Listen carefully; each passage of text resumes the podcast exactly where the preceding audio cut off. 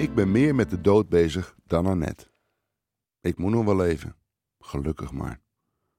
Vroeger was ik onsterfelijk. Een voorbeeld.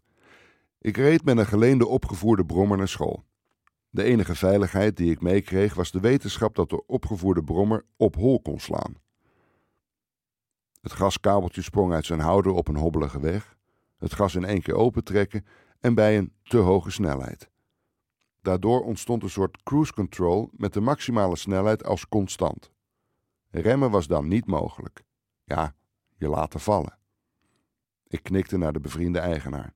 Natuurlijk, je laten vallen, logisch. Hij gaf mij zijn te kleine helm en daar ging ik. Na vijf minuten rijden bleek dat het gaskabeltje altijd uit zijn houder sprong. Op het fietspad naast de B-weg hield ik auto's bij die 90 km per uur reden. Beschermkleding was voor de zwakkeren onder ons. Bij elk naderend kruispunt friemelde ik het gaskabeltje weer in zijn houder en kon dan rustig afremmen. Dit ging goed totdat ik het schoolplein opreed en Sharon, het meisje waar ik verliefd op was, op haar rug keek. Ik probeerde haar aandacht te trekken door een paar keer goed gas te geven. En dat werkte. Ze keek om. Ze zag een jongen in korte broek en een t-shirt aan. Is dat Bas? Op een onbekende brommer hard de fietsenstalling inrijden. Dit alles in de vroege ochtend. Mijn dag was begonnen. Na wat omgevallen brommers en fietsen weer op hun standaard te hebben gezet, liep ik ongedeerd mijn klas binnen. Zo doe ik het altijd. Na drie minuten moest mijn buurman zo hard lachen dat de meester verstoord opkeek. De lippen van Sharon waren vol en nat rood. Met haar zou ik gaan trouwen, een heel jaar lang. Het gevoel wat ik vroeger had, heb ik niet meer. Het is weg.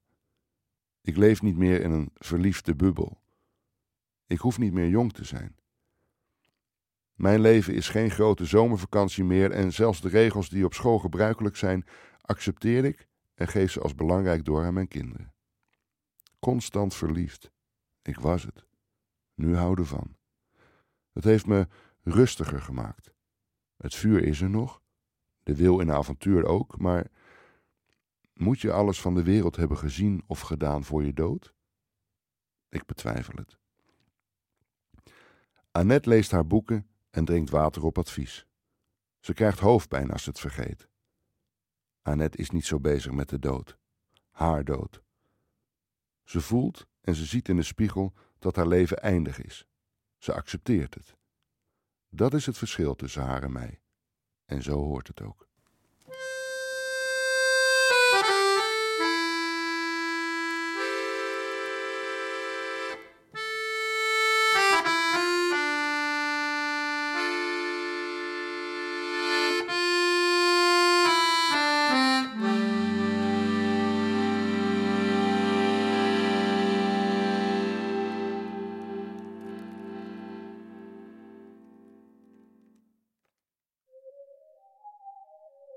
Heb je genoten van deze podcast? Luister dan ook eens naar Het Verloren Hoofd, waarin wij, Nienke Zoetbrood en Matthijs de Groot, op zoek gaan naar een verloren hoofd van een Indonesische vrijheidsstrijder. Al snel raken we verstrikt in een wereld van lichaamsdelen, prinsessen en twijfelachtige spelregels. Je vindt Het Verloren Hoofd in je favoriete podcast-app.